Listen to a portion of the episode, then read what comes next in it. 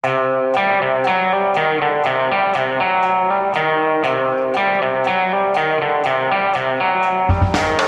vi få en regjeringskrise midt oppi koronakrisen? Og blir det jul i år igjen? Det skal vi snakke om i dag, onsdag den 25. Eh, desember her i Gjever og gjengen.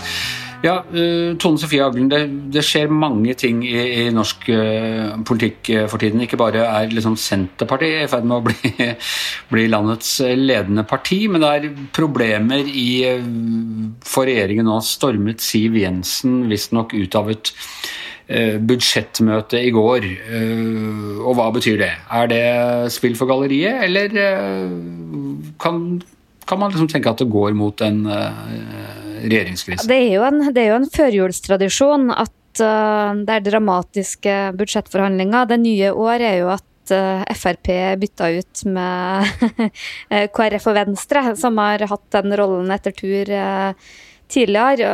Og det er nok litt sånn blanda, og det er ikke noe lett å være Siv Jensen om dagen. For eh, det er ikke noe tvil om at de er ganske frustrert i Frp. Hun har nok et parti som ikke liksom står klar for å berge regjeringa for enhver pris. Samtidig så, så, sliter nok hun både med at det er ganske lite sånn interesse og temperatur rundt uh, de her forhandlingene. Og det er nok ganske lite sånn forståelse i befolkninga om at det blir regjeringskrise for Eh, sukkeravgift eller eh, CO2 eller kvoteflyktninger når vi står midt i en eh, mye større global krise. Men samtidig så vet vi at en god del i Fremskrittspartiet, om ikke nødvendigvis Siv Jensen, men, men en del andre, har ment at det kunne være bra for Fremskrittspartiet om det nå ble en regjeringskrise, at man fikk regjeringen til å kaste kortene, at man kunne få Støre og kompani til å overta fram til valget. Er ikke det er ikke det en sånn strategisk tenking i, i, enkelte kretser der? Jeg tror nok enkelte tenker at det hadde vært mye bedre om, eh, om det skjedde når vaksina var på plass og, og, norsk politikk var litt mer uh, normal. Eh, for, for, det er veldig vanskelig å få fokus på politiske saker. Uh, og så er det veldig sånn avhengig av hvem du spør. Hvis du snakker med Høyre, så får du veldig inntrykk av at uh, det her løser seg, vi skal strekke oss langt. Men nå må nå Frp få noen dager hvor de får vise hvordan de kjemper og står på for pensjonister og for uh, uh, folk som vil handle tobakk. Uh, og, og, kjemper sine hjertesaker. mens i Frp så er det nok en del frustrasjon både over at selvfølgelig det de har fått, men også litt sånn her, hvordan regjeringa oppfører seg. At de blir tatt litt sånn for gitt, og at de har blitt i overkant uh, høy på seg sjøl i den her uh, koronatida. Man opplever nok også at de, de, tar for gitt at man ikke ønsker en regjeringskrise nå. Og så er det også litt sånn det som skjer inni det forhandlingsrommet, hvor Sylvi Listhaug har jo brukt uttrykk som at det her går i sneglefart. Og vi ser nok litt også en repetisjon av det som skjedde i vår, hvor hvor man opplevde ganske sånn krevende å forhandle, særlig med Høyre, fordi de som forhandla hadde så lite mandat. Tror du det er noe frustrasjon i noen kretser av Fremskrittspartiet, det er jo litt forskjellige fløyer der, men over at, eller man tenker at vi skulle ha blitt blitt sittende, vært med på hele denne eh, koronaansvarligheten og fått en bedre uttelling eh, av det før valget til neste år. At de, liksom sånn, de valgte å hoppe av skipet akkurat rett før, eh, rett før en storm som, som, har gitt særlig Høyre stor gevinst. Jeg tror kanskje det i begynnelsen er lite tyder på at Siv Jensen virkelig ønska å gå ut av regjering når hun gjorde det. Og jeg tror nok kanskje under den mest akutte eh, krisa, så skulle jeg kanskje gjerne sitte og vært finansminister og folkehelseminister. Og, men jeg tror nok at i partiet nå så er de liksom ganske letta over at de eh, er ute. Det tror jeg er ganske eh, Folk er ganske sånn samstemt om, men, eh, men, likevel en sånn viss frustrasjon over at det er så vanskelig å komme på med politikk, og ikke minst det at uh, det opposisjonspartiet som virkelig lykkes om dagen, det er verken Frp eller andre, det er Senterpartiet som eh, stikker av med alle de velgerne. Så snakket vi om uh, Miljøpartiet De Grønne her om dagen, som, uh, som da så ut på altså, Det er snakk om desimaler her, men å kunne bli forbigått av Senterpartiet i i hovedstaden, og, og de, sliter litt på en del meningsmålinger. Og nå skal de ha et litt sånn Trump-aktig rally. Eh, sånn, jeg holdt på å si sånn smitterally. Eh, så ble en av de største samlingene de har hatt i det eh, partiet noensinne. Er det, er det en styrkedemonstrasjon, eller er det en panikkartet sak sånn à la Trump-rally?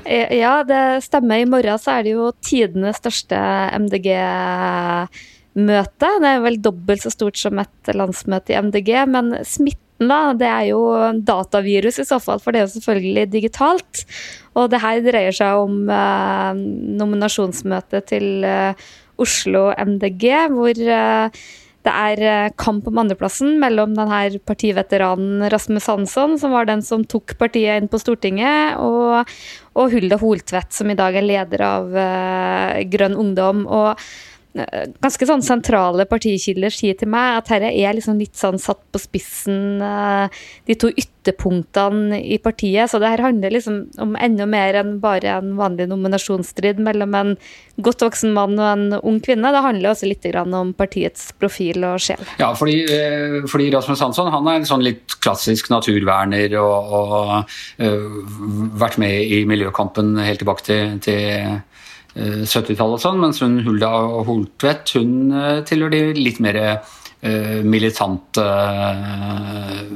folka som vil ha relativt radikale ordninger på plass raskt. Ja, de hevder jo hardnakket at de egentlig ikke står så langt fra hverandre politisk, men de oppleves i hvert fall veldig ulike. Rasmus Hansson er jo biolog, forska på isbjørn, vært generalsekretær i WWF, Alta-aksjonist. Uh, liksom gjort det meste. sånn, litt sånn rufsete type som uh, kanskje skyter litt fra hofta. Og, og, jeg tror liksom man appellerer en del til liksom disse liksom godt voksne, overvintra hippiene som uh, eide litt sånn partiet før, mens Hulda Holtvedt er hun er litt sånn herre um, Greta Thunberg-inspirert i stilen. Klimaet er liksom det viktigste. Oppleves litt sånn streng. Mye mer sånn orientert mot uh, venstresida, som jeg opplever hun. Og også veldig en del av den der urbane MDG som appellerer til disse unge, velutdanna velgerne. Og det er ikke noe tvil om at det er på den sida MDG har hatt velgersuksess de de siste årene. Men så er jo liksom litt sånn bekymringa for en del, ikke minst ute i landet, at, at, partiet skal spisse seg for mye med at det blir for mange sånne unge, flinke, urbane folk som er mest opptatt av klima. Så det er litt sånn ja, det er litt sånn eh, partiets sjelspørsmål. De har hatt to gode valg nå, MDG, men er, er dette, tror du dette har vært et sånn bølgefenomen, og nå er det eh, Senterpartiet da, som overtar den tidsånd-effekten? Eh, ja, man, mange har liksom tenkt at dette kommer, dette er liksom den neste store uh, saken som vil dominere politikken med klima. I hvert fall siden i sommer så har vi sett en ganske nedadgående trend for uh, eh, MDG på målingene.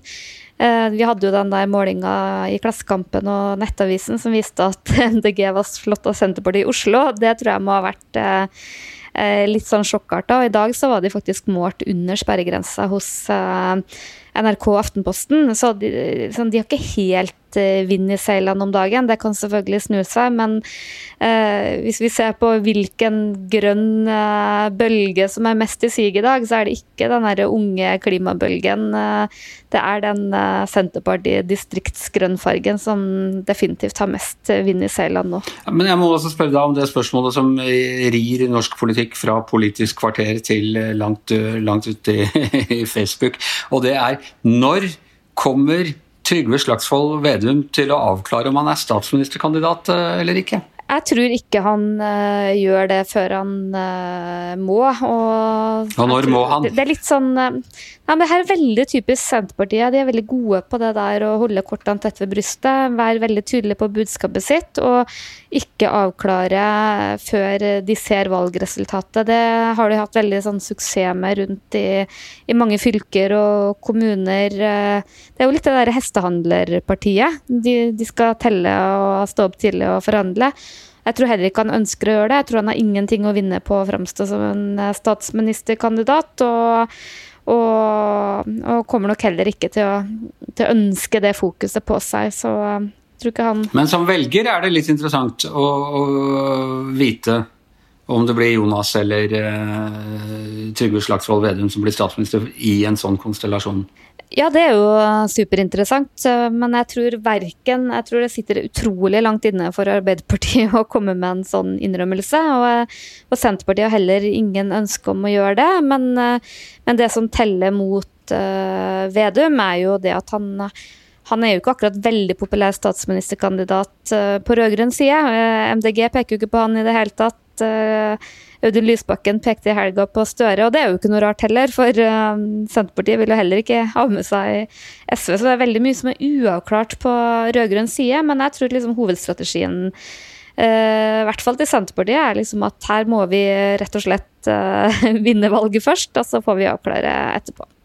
Da kommer pragmatismen opp. Thomas Giertsen og jeg skal ha Vedum på som gjest på fredag, så da får vi se om vi klarer å skvise noe ut av ham, eh, vi. Men det tror du kanskje ikke at vi Stiller han da i fugleskremsel-outfit? Eh, det vet jeg ikke, det håper jeg selvfølgelig. Han var altså på forsida av Trønderavisa på, i går, var det vel, i, i fugleskremsel-avgitt fra det derre Maskorama-programmet, hvor han også gjorde stor suksess. Alt lykkes for den mannen eh, for tida.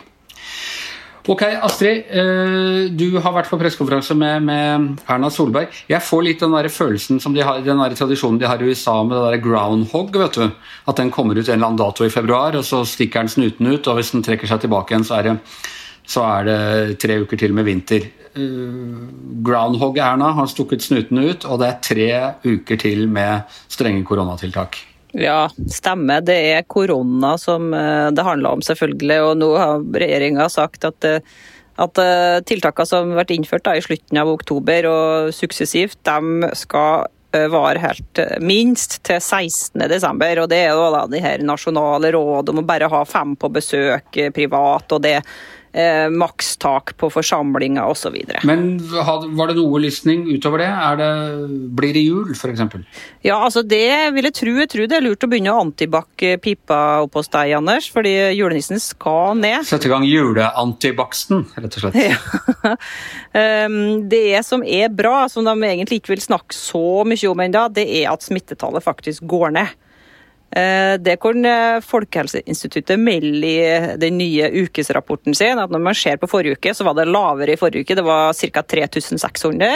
Uh, og uka før der så var det 4000 smitta, så det går riktig vei. Uh, men de er fortsatt litt uh, bekymra for, for, å melde det for jublende. fordi at det er jo noe med at de har testa litt mindre folk, og de er usikre på om det her er en trend som holder. Derfor så sier Erna Solberg at de trenger fram til 16.12 Eh, for å se om det her er en varig nedgang. Og øh, De er vel da, føler seg vel under et visst press til å kunne slippe opp da, sånn at folk skal kunne ha en relativt uh, normal julefeiring, går jeg ut fra? Ja, det er klart det. Når de innførte, da de innførte tiltakene 26 oktober så sa vel Erna at det var meningen at de skulle vare til begynnelsen av desember hvis, hvis de virka. Da. Og de virka jo nå, da. Bare at det, det, er jo ikke noe sånn kjempenedgang vi ser, da. ikke sant? Det er jo litt for liten nedgang ennå til å til å være sikker. Og så snakka vi jo om dystert om Danmark, der de faktisk trodde at tallene gikk ned, og så begynte de å gå opp igjen. Så det er klart at hvis de slipper opp for mye nå, så går de jo rett opp igjen. Så det er jo en liten knipe, da. Hva er det egentlig de skal eh,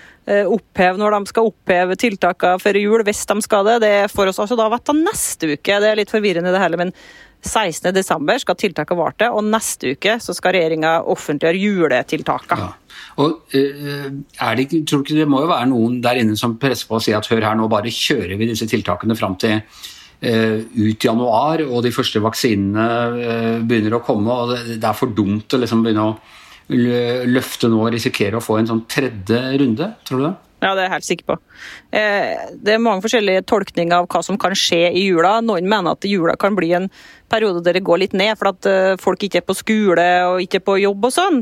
Sånn som de håpa på høstferien skulle funke i Oslo. Det gjorde den jo da ikke. For en kan jo også se for seg at jula blir en sånn eh, supersprederhendelse, der jeg f.eks. drar hjem til Trøndelag, der det er nesten minst smitte i hele Norge, og så kommer jeg med Oslo-nivået mitt og mange med meg. Nå kommer du som liksom Tyfus-Marie, kommer opp til Rindalen og smitter alt som er. Og Det kan bli ganske flaut, for oppi der er det mange kommuner som ikke har noe smitte i det hele tatt. og Der finner de fort ut hva det er som har fått smitten til bygda. Det... Nei, du får, du får holde to meters avstand og vaske hendene og havgå med maske og passe på alle smitteverntiltakene så vi ikke sprer det. Men jeg må si eh, jeg har på en måte følt at jeg har takla dette ganske bra, men nå begynner jeg også å føle en utålmodighet. Altså jeg lengter etter å kunne gå ut og treffe folk og snakke med noen andre enn aller nærmeste familien og, og se folk i andre sammenhenger enn på disse disse digitale møtene. Det må jo bygge seg opp en ganske stor frustrasjon ute blant eh, folk etter hvert? Ja, det tror jeg jo. Selv om på sånne meningsmålinger og sånn, så svarer jo nordmenn at de er så positive til regjeringa og de støtter opp alle tiltak og sånn, men i virkeligheten så tror jeg jo at folk eh, ikke sier hele sannheten der. For det finnes jo andre undersøkelser som viser at en, en del folk eh, ja, lyver litt om hva de egentlig har gjort, og, i hvert fall fra utlandet. Og nå ser vi jo på USA som har tenkt thanksgiving eh, i helga, og de har jo hatt rekordbestillinger på flyreiser. Det har ikke vært så høyt siden mars, så her er det en an til Uh, nye supersprederhendelser. Og jeg tror regjeringa får kjempemye spørsmål nå om hva som eh, skal skje med jula, fordi at folk har jo begynt å planlegge. De skal kjøpe ribb, det er jo fare for ribbemangel. Hvor stor skal en ribbe være? Hvor mange kan det være på andre juledag, tredje juledag og på nyttårsaften, ikke minst? Så, og kan folk reise og sånn? Så det her presser seg på. Så tror du helt rett i at uh, Eh, folk står og drar i hver sin retning. For det er jo mange andre som helt sikkert ønsker at vi bare skal stenge ned helt til vaksinen kommer. Og blir det doruller nok? Det det evige, har vært det evige problemet. under hele ja, jeg har ikke kjøpt, har ikke kjøpt doruller, Anders? Jeg nekter å fortelle om hva, hva, jeg har, men jeg har en stor kjellerbod. Det er alt jeg vil si. og med det så er vi ferdige for i dag. I hvert sitt hjemmestudio Tone Sofie Aglen, eh, Astrid Mæland på pressekonferanse. Jeg heter Anders Giæver, og mannen som dag etter dag igjen og igjen lapper sammen disse forskjellige lydfilene så det blir en eh, podkast som om det var en eneste lang Groundhog Day. Det er vår produsent Magne Antonsen. Vi høres igjen i morgen.